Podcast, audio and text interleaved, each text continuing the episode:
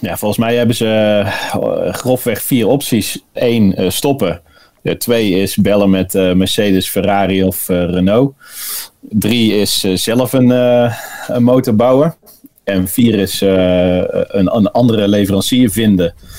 Audi of Volkswagen of ik noem maar wat. Dat zijn volgens mij alle opties die ik voorbij heb zien komen de afgelopen dagen. De een ligt wat meer voor de hand dan de ander. Ehm, maar daar gaan we het vast nu over hebben.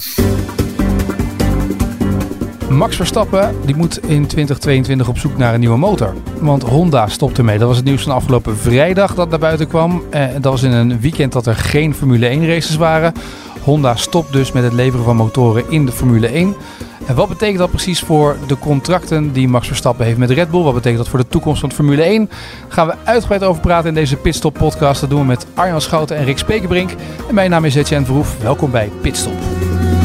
En we moeten het ook even over de Nürburgring en Mick Schumacher hebben, denk ik. Zullen we maar gewoon beginnen bij de actualiteit? Ehm, het nieuws, zeg maar, dat afgelopen week, uh, afgelopen vrijdag naar buiten kwam, dat ze bij Honda hebben gezegd: wij stoppen in 2021 met het leveren van motoren aan de Formule 1. Uh, eh, dat sloeg denk ik in uh, kamp Red Bull in als een bom, of niet, Arjan? Dat sloeg in kamp Formule 1 in als een bom. En niet alleen bij Red Bull. Dit zag niemand aankomen. En dit is echt voor ehm, Red Bull Racing, Alfa Tauri, uh, Max Verstappen, Kamp Verstappen, uh, de andere drie coureurs betrokken. Uh, en de sport gewoon echt een, ja, een donderslag. Wat, wat, wat is de, welke, welke motivatie kunnen we erachter leggen dat ze dit zo gaan doen? Of dat ze willen stoppen ermee? nou, ik noem één kleur en dan weet jij genoeg. Groen, dat is de grote motivatie in Japan. Hoewel ik dat niet helemaal begrijp, want drie jaar geleden, vier jaar geleden kon je ook wel zien dat de, de auto-industrie uh, ging switchen naar groen, elektrisch, uh, emissievrij, uit, uitstoot beperkend. Maar goed, ja, dat heeft nu toch de doorslag gegeven. En dat is misschien ook wel ingegeven door een ja, bijzonder moeilijk jaar natuurlijk. Vanwege alle problematiek die momenteel speelt op de aardbol. maar ja, het past niet meer in de bedrijfspolicy, Formule 1. Oké. Dat is wel een keuze, maar wel eentje met gevolgen. Want um, wat ga je dan als Red Bull doen, Rick? Dan, dan moet je gaan bellen met welke fabrikant heeft überhaupt nog een motor voor ons komend jaar. Of eh, niet komend jaar, maar het jaar erop. Ja, volgens mij hebben ze uh, grofweg vier opties. Uh, dat is uh, één, stoppen. Gewoon stoppen met Formule 1. Dat, dat, dat kan. Dat kan aan het einde van elk jaar. twee is bellen met Mercedes, Ferrari of Renault. Drie is zelf een, een motor bouwen.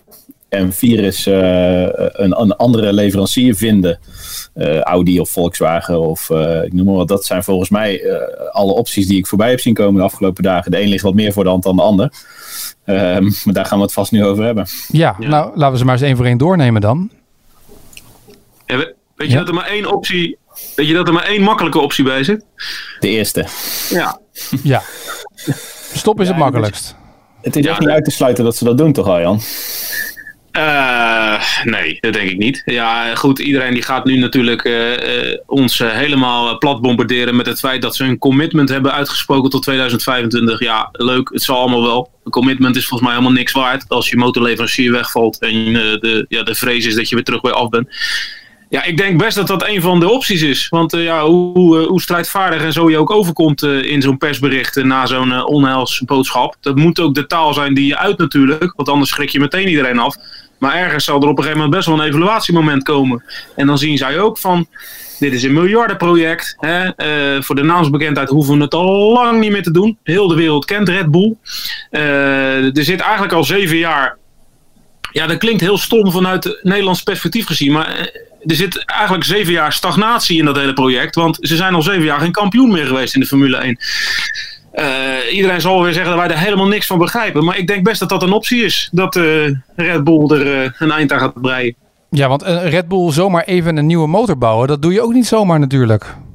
Dan moet je een hele fabriek voor neerzetten, autoervaring hebben en dat doe je niet zelf heel makkelijk. ja, dat is complex. Je kan natuurlijk wel voortbeduren op de technologie van Honda en die zullen je ook best nog wel steunen de, komende tijd. Want ja, daar geloof ik wel in. Zo zijn Japanners. Hè. Dat commitment, eh, dat spreken ze uit en dat, dat, dat zullen ze ook best wel uit blijven dragen. Maar ja, dat is natuurlijk ook niet een eenvoudige optie. Ik bedoel, uh, nou, laten we die opties doornemen. Want je zegt het is niet eenvoudig. Je zou natuurlijk kunnen zeggen tegen Honda: geef nou ons je beste engineers die die wagen in elkaar, die motor in elkaar hebben gezet.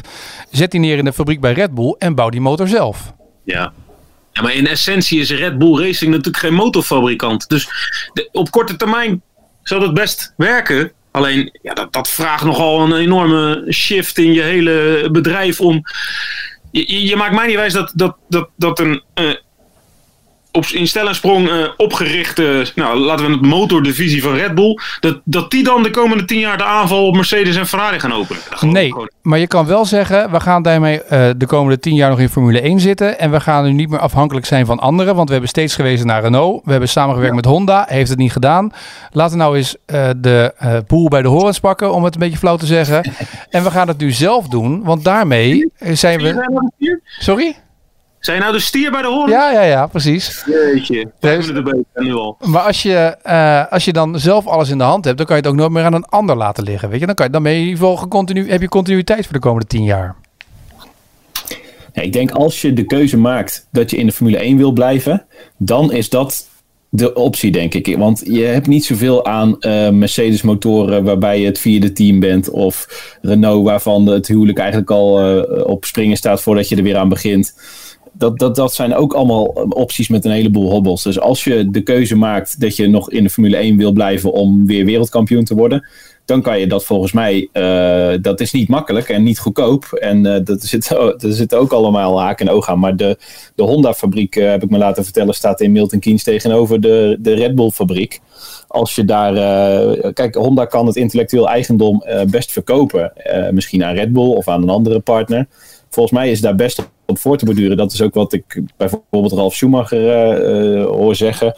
Uh, ja, het is volgens mij nu kom je op, op een kruispunt. Ja. We, we kappen ermee, we gaan ons richten op, uh, op voetbal, op, op sporten waar we ook al in zitten. Tennis en skiën. ik bedoel, ieder, ieder oh, bedrijf tennis. maakt ook een sponsorafwegingen. Tennis hoeven ze niks mee te doen, Rick. Dat is een beetje zonde.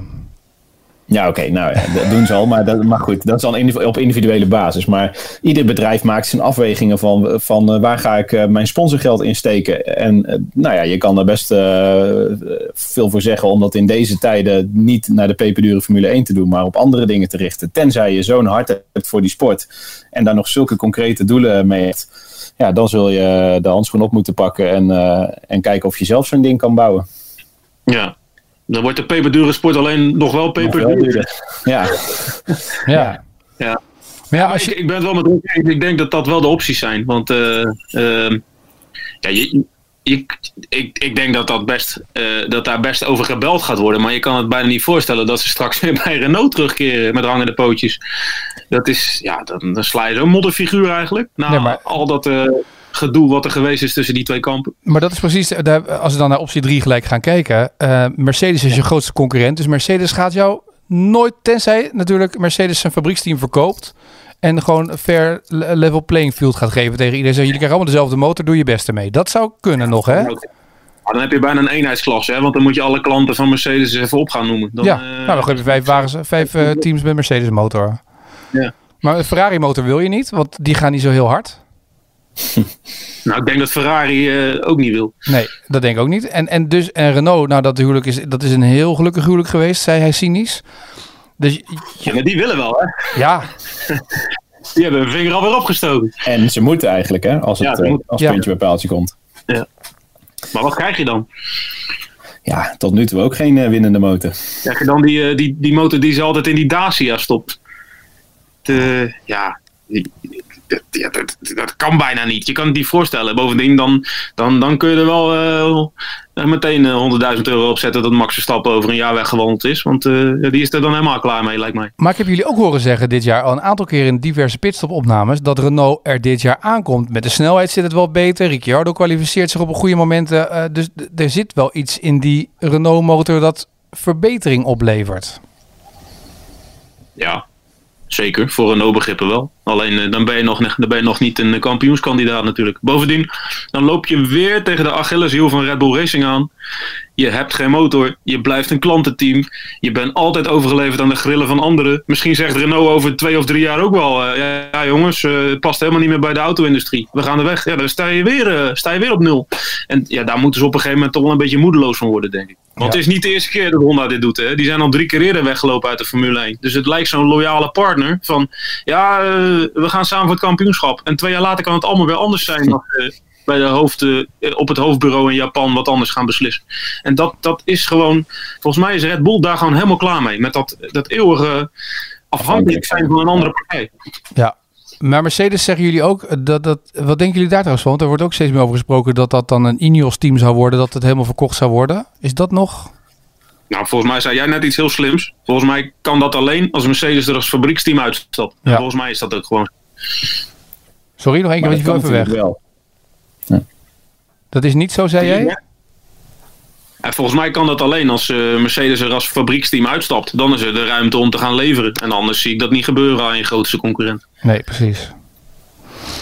Maar het is natuurlijk wel zo dat dit signaal wat Honda afgeeft, ehm, zegt natuurlijk wel iets over in welke tijd we zitten.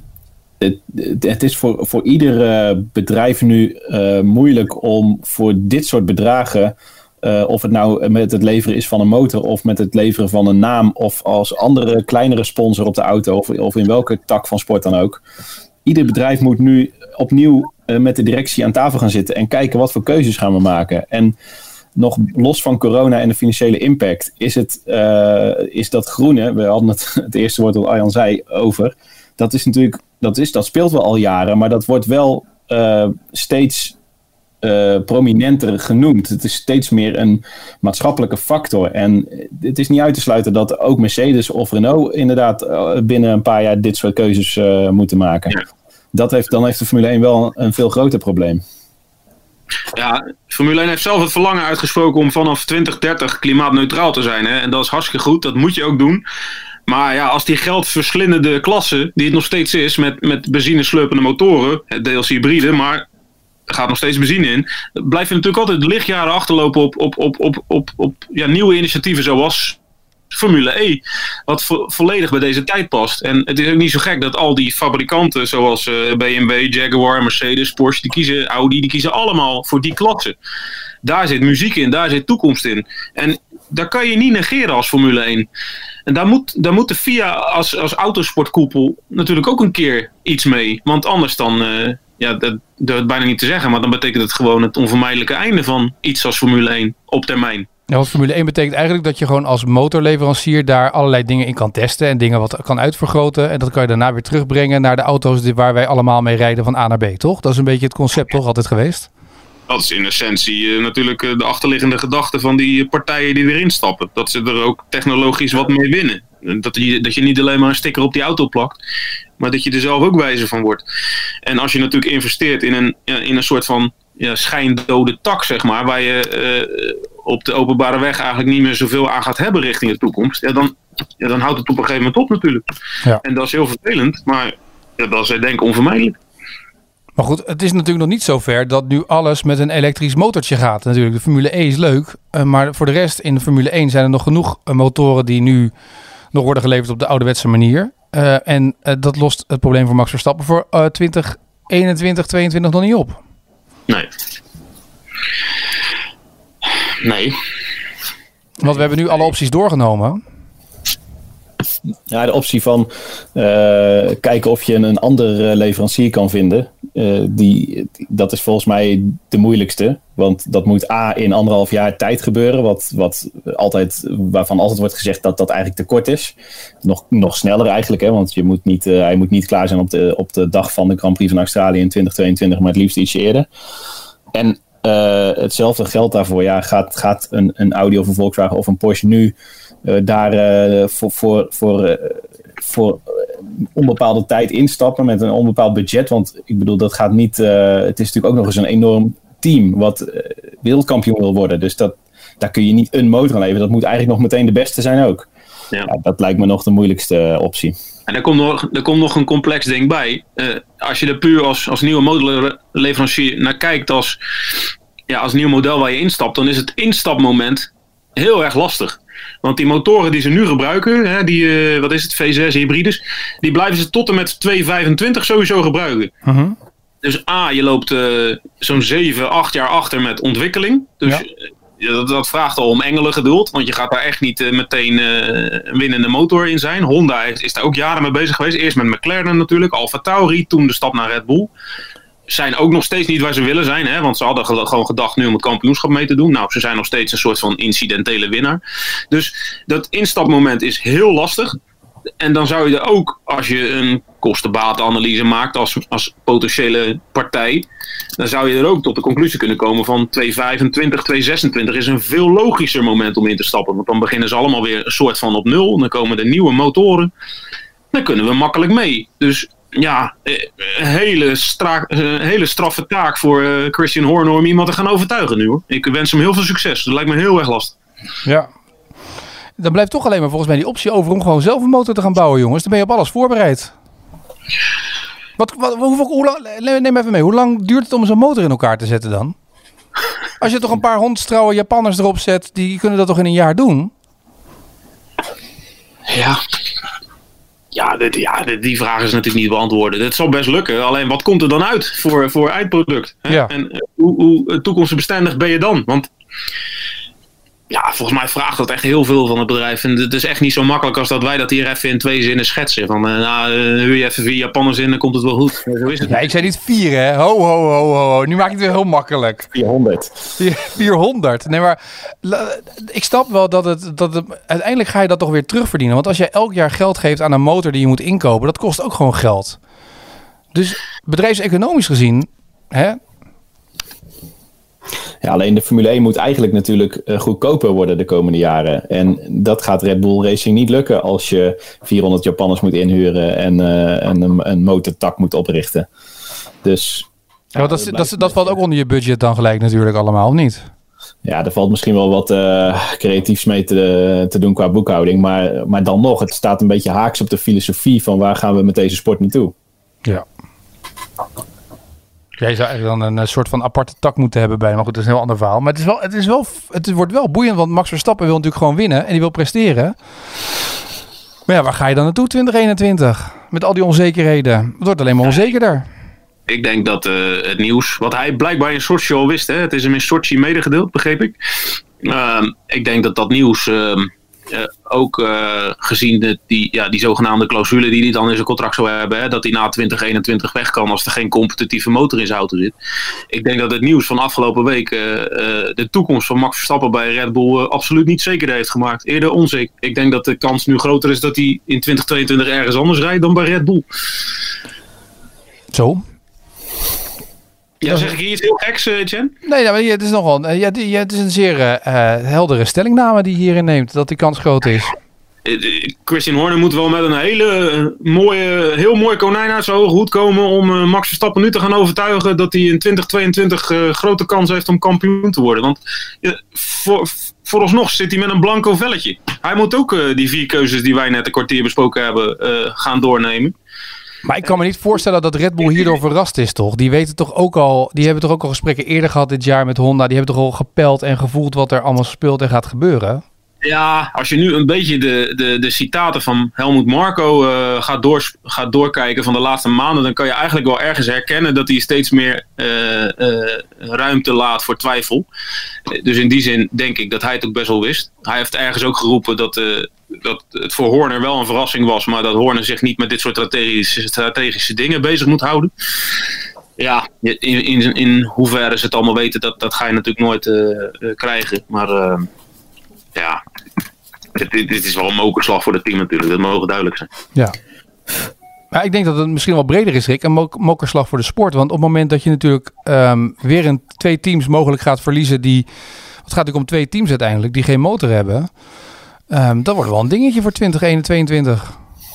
Ja, die teams hebben een commitment getekend voor 2025. Maar het is precies wat Arjan zegt. Uh, dat soort contracten hebben exit-clausules. En ook Marco heeft daar al over gezegd. Uh, wij als Red Bull Racing kunnen ook uh, gescheiden worden van Red Bull als hoofdsponsor. Daar zitten allerlei. allerlei dit is een grote sport. Daar, daar, daar wordt niet gewoon opgeschreven. Je bent tot 25 verplicht om te blijven. Dus ja, die, die teams die moeten wat. Maar de Formule 1, eh, we hebben, het is precies wat we net over. Uh, kijk, ideaal gezien heb je een stuk of vijf, zes verschillende motoren in die sport die elkaar beconcurreren. En, en, en nu ga je naar, naar drie in principe. Nou, waarvan er eentje eigenlijk wel wat kleiner is. En ja, dit is allemaal. Dit is voor de Formule 1 geen geen fijn toekomstperspectief. Ook niet met alle milieuoverwegingen waar we het ook al over hebben gehad. Ik vraag me wel eens af of ze daar wel wat langer bij stilstaan. Of dat ze in de vaart der volkeren zitten en van seizoen naar seizoen en, en niet echt die visie hebben op die, die toekomst. Van waar moet het heen met deze sport. Maar misschien ja. onderschat ik dat. Eigenlijk moet je je deur nu wagenwijd openzetten voor, voor partijen die in willen stappen. Maar ja dat staat het niet. Want ja, het is net wat we zeggen. Pas over jaren komt er wat anders. Dus dan komt er een soort van level playing field waarbij je allemaal weer op nul begint. Bovendien, uh, kijk, als je als motor, motorenleverancier instapt bij een team, dan hoef je volgens mij niet die fee te betalen voor 200. Maar als er nu uh, van 200 miljoen, maar als er nu een nieuw team uh, helemaal op nul wil beginnen, hè, dan, dan, dan heb je dat wel. Dus dat, dat is ook een drempel die ze opwerpen. En het is allemaal best wel complex hoor. En je bent nu zo afhankelijk. Het is net wat Rick zegt. Het is wel heel dun hè, met, uh, met drie partijen. Je, dan maak je jezelf als sport wel heel afhankelijk van, uh, van die drie partijen. Want als, uh, je moet er niet aan denken wat, wat er nu gebeurt als er een van die drie stopt. Dan ja. hou je niks meer over. Want Porsche wil pas toetreden 2025 zeggen ze dan hè, Volkswagen. Ja, 2026 is ja, dat dan Precies. Ja, ja, dat heeft die Volkswagen topman ge, ge, geroepen. Hè. En ja, de, al die, al die merken die hangen daaronder. Zeg maar. dus, ja. Ja. Onzekerheid troef. Uh, gaat het ook doorwerken in uh, dit seizoen nog, denk je? Want Max gaat hier natuurlijk allemaal vragen over krijgen zometeen in Duitsland.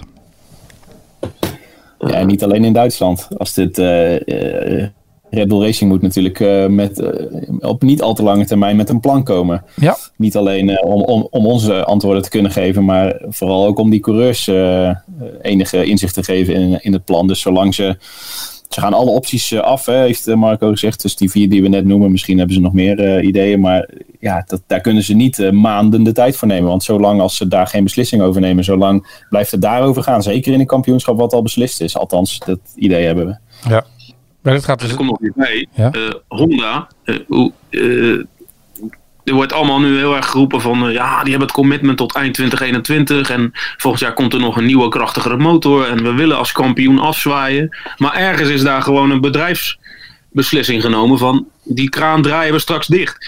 Dus ik denk dat je dat ook wel ergens in de uitslagen gaat zien volgend jaar. Hoor. Je maakt mij niet wijs dat je in je laatste jaar, in een sport die je eigenlijk al hebt opgegeven, dat je dan opeens geweldig gaat presteren. Dus ik, ik vrees daar wel een beetje voor. Ja. Um, dan eventjes naar het weekend. Uh, want we, we, krijgen hier nog genoeg uh, gesprekstof voor de komende podcast over in, de pagina's in de kranten en online natuurlijk. Uh, we gaan naar de Nurembergring. met toeschouwers. Toch? Ja. ja. Ja. Of ze op Nederlanders zitten te wachten, weet ik eigenlijk niet zo goed. Nee. Zeeland is nog oranje, toch? Oh ja, nou, allemaal willen we daar naartoe. Hoppakee. Ja. Alle, alle Zeeuwse fans mogen er naartoe. Maar wat voor Grand Prix gaan we daar krijgen? Een koude, kille, natte. Ja, en dat is dan wel weer leuk voor Max natuurlijk. Nou ja, nu ga je dus een beetje de gevolgen voelen van dat gekke seizoen. Hè? Want een, een, een West-Europese Grand Prix, half oktober, uh, dat is toch iets wat we niet elk jaar zien. Hè? Uh, dit zijn natuurlijk de, de, maanden dat je naar Brazilië gaat, naar uh, Mexico, Amerika, Midden-Oosten. Het is gewoon best wel een koude. En ja, dat kan goed uitpakken. Hè? Want ik zie ook ergens een zonnetje ingetekend voor zondag. Maar uh, ja, het kan ook gewoon uh, 9 graden de hele dag regen zijn. En dan gaat het toch wel eens gevolgen hebben in die Grand Prix. Dus ja, laat dat maar gebeuren hoor. Ik vind dat altijd wel mooi. Ja, want dat wordt wel mooi. Ik zag van de week bij het Formule 1 café wat oude beelden. Dat iedereen de, door aquaplanning rechtdoor schoot ongeveer uh, in een van die Grand Prix. Dat je denkt, ja. 12 in dezelfde bocht. Ja, ja. ja. ja dat... daar moet je bijna op hopen. Dat is echt uh, zoiets, zoiets zou uh, het seizoen wel kunnen gebruiken. Maar het past toch wel heel erg in het seizoen. Want we hebben toch allemaal dat soort gekke races al gehad. Met enorme ongevallen en dat soort dingen allemaal. Ja, Weet je, weet, je wat, weet je wat ook past bij dit seizoen? Dat die Nürburgring opeens weer terug is. Want dat was ook gewoon heel lang een circuit zonder toekomst. Hè? Zijn er al zeven jaar niet geweest. Uh, volgens mij waren ze technisch gezien failliet. Er is daar uh, nog een heel verhaal over een achtbaan die daar is neergezet. Omdat de, de vorige eigenaar daar een hele pretpark van wilde maken. En die achtbaan die is geloof ik na twee ritjes, na twee testritjes is die weer dicht gegaan. Heeft die zeven jaar stilgestaan geloof ik.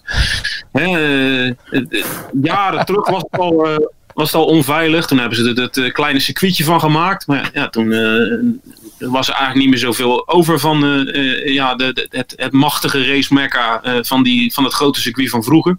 Maar toen in die Schumacher jaren moest het weer terug. Maar toen stond er al een Duitse Grand Prix op de kalender. Dus toen werd er een list verzonnen. Toen werd het de Grand Prix van Luxemburg. Hè? En, en nu wordt het dan de Grand Prix van de Eifel. En zo is dat, die Nürburgring die komt altijd weer terug. En dat is ook wel, ja, dat past ook wel weer bij dit gekke seizoen. Dat vind ik ook wel weer mooi ergens. Maar die achtbaan staat er ook nog? Het schijnt dat die achtbaan er nog staat. Maar oh. volgens mij hebben ze nu Russische aandeelhouders. En die uh, samen met, als ik het goed heb, heet de eigenaar Capricorn. Dat is een groot Duits bedrijf. En die mhm. willen heel erg richten op uh, puur weer op race. En daar past dit wel bij. Want volgens mij was er op een gegeven moment. Er was een pretpark uh, was daar opgetrokken. Een, een, een, shopping boulevard. Rock am Ring is er altijd gehouden. Hè? Dit grote festival. Dus het, het, het werd een soort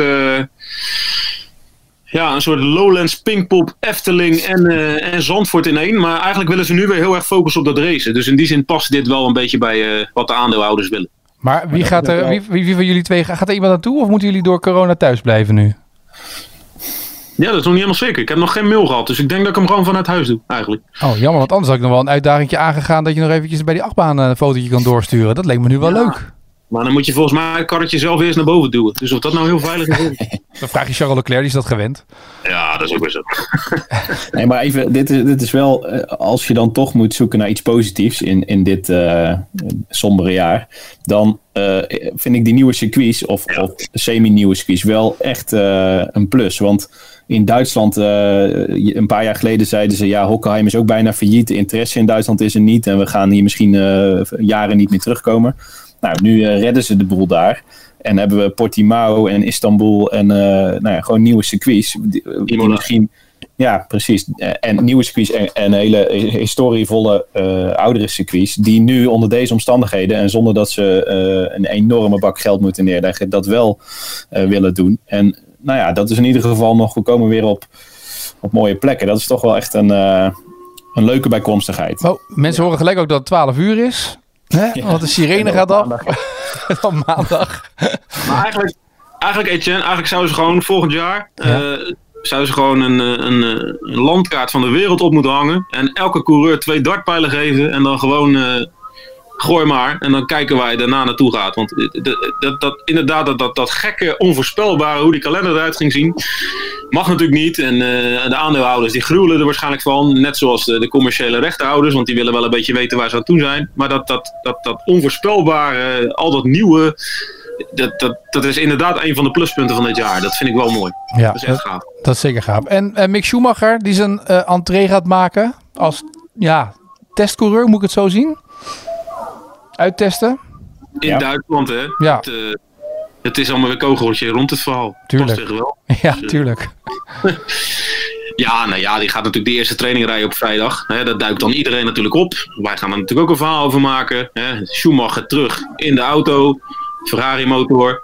Hè, uh, in Duitsland. En reken maar dat hij uh, daarna, uh, nou ja, misschien wel op die dag zelf. Dat er gewoon bekend wordt gemaakt dat hij volgend jaar een stoeltje krijgt bij uh, Alfa Romeo. Naast Kimi Räikkönen. Een line-up Kimi, Schumi. Nou, daar kan je mee aankomen in deze sport hoor. Ja, jong talent tegenover uh, uh, jaren ervaring. Ja, Giovinazzi Wieberen, lijkt me duidelijk. nou, ook alweer besloten. Jij bent wel vandaag uh, van de duidelijke stellingname. Huppatee, ja, en door. Spijkers koppen. Waar ik echt benieuwd naar ben, hè, als, als Schumacher ehm, in de Formule 1 komt en dan niet uh, op vrijdagochtend, maar definitief, is of, of hij op enig moment um, iets meer gaat vertellen over nou ja, hoe het thuis gaat, om het zo maar te zeggen. Dat, dat ja. hoeft hij niet te doen. Het gaat ons in principe niks aan. Maar hij snapt ook wel, hij, uh, ik bedoel, hij heeft de afgelopen jaren af en toe persconferenties gegeven die werden georganiseerd omdat hij die achternaam heeft en de belangstelling voor was. Hij weet hoe dat werkt. Hij weet ook dat zijn achternaam nu heel erg helpt om dat stoeltje te bemachtigen, want het is niet dat het het allergrootste talent van de wereld ooit is, volgens mij. Dan komt er ook een moment dat je wil horen hoe, hoe, hoe dit de afgelopen jaren is gegaan. Uh, kan zijn vader die races kijken? Uh, ja, ik bedoel dat niet zo sensationeel als je misschien nu denkt, maar we zouden toch allemaal iets meer willen weten over hoe het met Michael Schumacher gaat. En je kan het bijna niet volhouden als je straks in de Formule 1 zit om daar week in week uit niks over te zeggen. Nou, jullie hebben wel vaker ook geroepen natuurlijk uh, dat die Formule 1 een hele geregisseerde wereld is. Maar als je bedenkt in deze tijd, waarin uh, social media vaak sneller is dan de traditionele media, waar dingen heel snel genuanceerd dan wel ongenuanceerd opstaan, dat als Vert Grapperhaus trouwt, dat er gelijk allerlei paparazzi-foto's zijn. En dat er van Schumacher, Michael Schumacher, gewoon jarenlang al niks naar buiten komt. Heel af en toe een klein dingetje het is soort, uh, een soort de elephant in the room hè, in, in de Formule 1. Want ja, iedereen is er razend benieuwd naar, maar niemand begint er meer over. Omdat het een soort van, uh, soort van is afgesproken van we vragen er niet meer naar en we wachten totdat er info komt. Maar die komt er niet. En ja, de fan is daar natuurlijk ook mee bezig.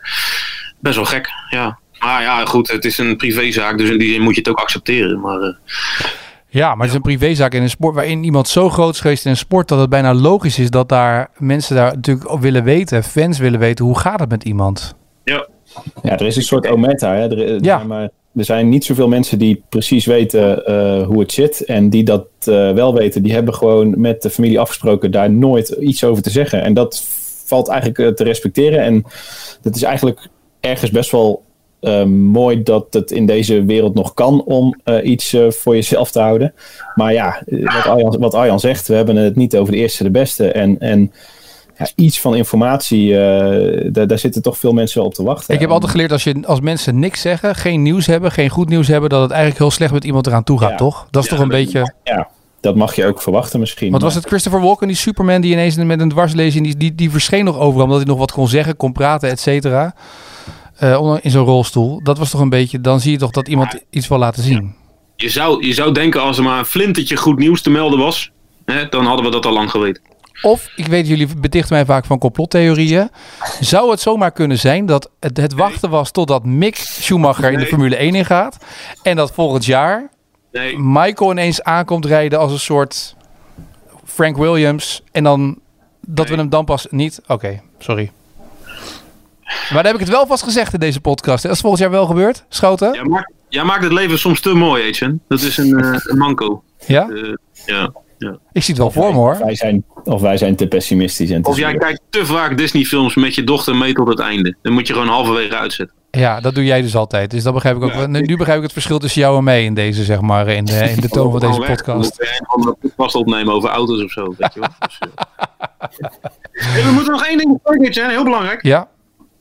Renus VK. Ja, die gaat goed, hè?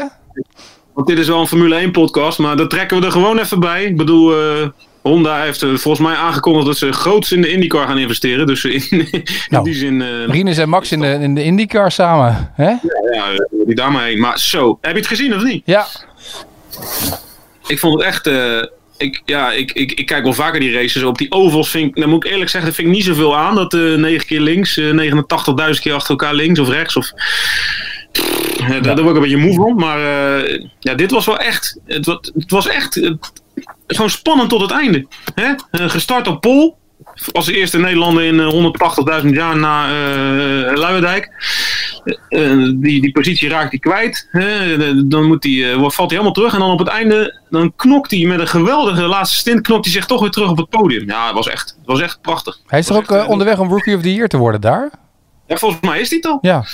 Nou, het is ja. wel knap gedaan, toch? Ik bedoel, wij kijken altijd naar resultaten. En dan kijk je naar de Indy 500. Dat stelt dan een beetje teleur, omdat het zo'n groot ding is. Maar hij doet het eigenlijk heel goed. Nou, ik weet nog dat ik in februari ook een interview met hem. Uh, bij de La Place in Hoofddorp. Want dat was een van zijn sponsors. en hij kwam daar zonder manager, zonder vader. Hij kwam helemaal zijn eentje. Dat vond ik al uh, zeer te prijzen. Uh, geen controle, drift erachter. Laat die jongen maar lekker babbelen. Ehm, hij heeft vijf kwartier met me gezeten en hij zei zulke grootste dingen. Van ja, eigenlijk wil ik dit seizoen al winnen, maar ik weet ergens wel dat dat niet helemaal logisch is. Maar ik wil toch zeker een keer op het podium eindigen. En ja, rookie of the year, dat moet ik gewoon worden. En toen zei ik nog tegen hem zo van.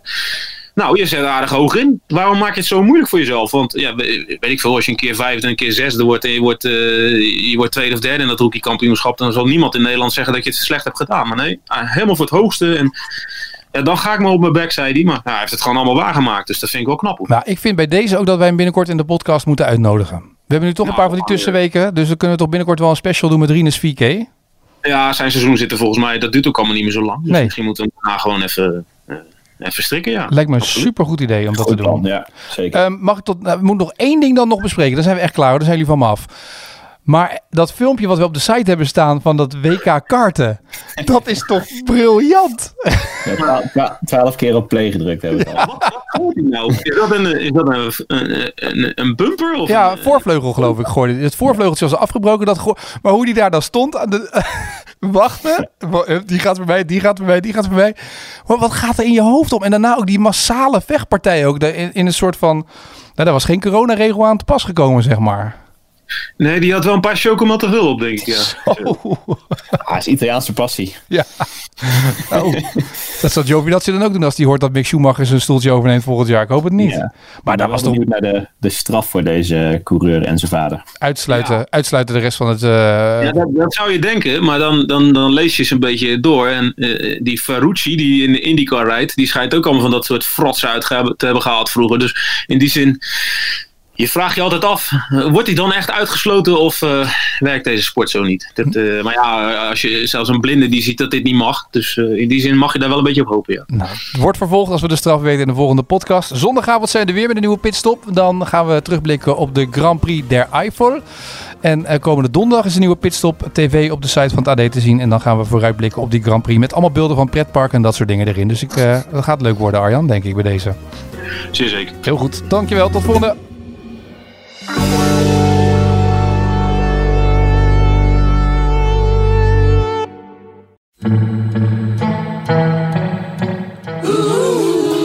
Dit is de Val Allemaal Maar Kapotcast. Val allemaal maar. Door zelfbenoemd Parel van Brabant, Björn van der Doelen en grote onbekende Boris Heijnen.